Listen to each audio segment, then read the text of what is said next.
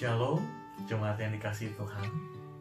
Kemim Kristus Manado mencanangkan bulan Juli adalah bulan misi dan pekabaran Injil. Oleh sebab itu jika kita mengikuti perenungan-perenungan firman Tuhan sepanjang bulan Juli, kita terus diingatkan, kita terus didorong, dan bahkan dibakar semangat kita untuk memberitakan Injil. Berbicara mengenai pemberitaan Injil, saya mendapati ada dua tipe orang. Tipe pertama adalah orang-orang yang no action, talk only. Orang-orang yang pandai berbicara. Orang-orang yang fasih berbicara tentang Injil, tentang firman Tuhan. Namun jika kita telisik lebih jauh tentang kehidupannya, apakah kehidupannya bersama keluarganya, apakah kehidupan pekerjaan atau usahanya, ataupun misalkan kehidupan dalam lingkup sosial dan masyarakat, mereka tidak mendapati adanya kesaksian hidup yang baik. Kehidupan yang tidak berpadanan dengan Injil atau firman Tuhan yang sering kali diperkatakannya.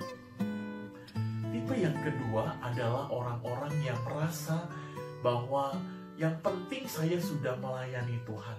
Yang penting saya sudah hidup baik-baik, tidak melanggar firman Tuhan. Saya sudah cukup. Soal memberitakan Injil itu adalah tugasnya para hamba Tuhan, penginjil, pendeta, ataupun majelis. Jemaat yang dikasih Tuhan, memberitakan Injil adalah tugas setiap kita.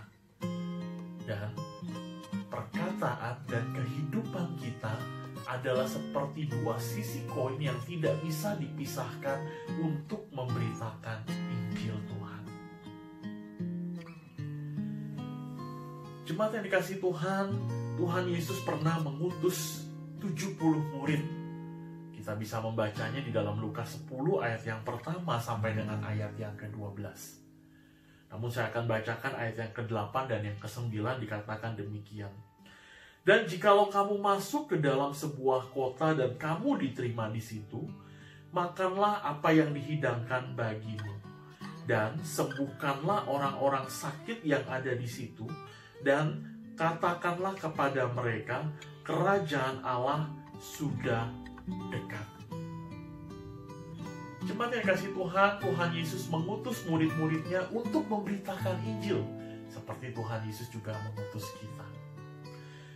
Ia juga memperlengkapi murid-murid dengan kuasa agar para murid tidak hanya punya berita yang berisi kata-kata kebenaran yang memerdekakan manusia, tetapi juga dapat menyatakan kabar baik itu dalam berbagai perbuatan atau tindakan yang meneguhkan pemberitaan Injil mereka.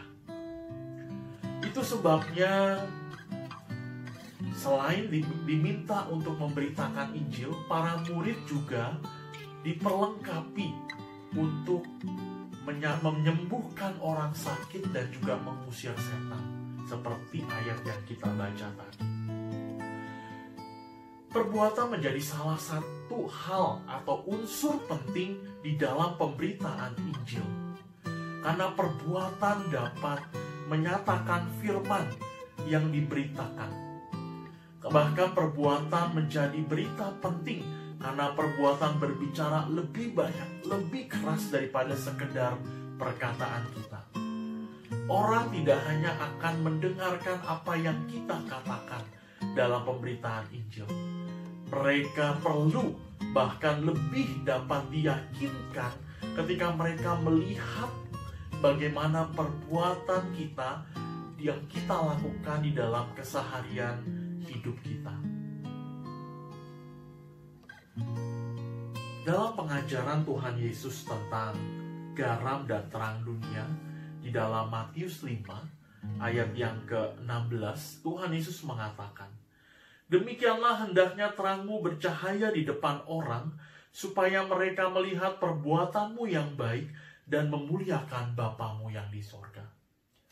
Jemaat yang dikasih Tuhan, mari kita terus melakukan perintah dan tugas yang Tuhan Yesus berikan kepada kita untuk kita memberitakan Injil.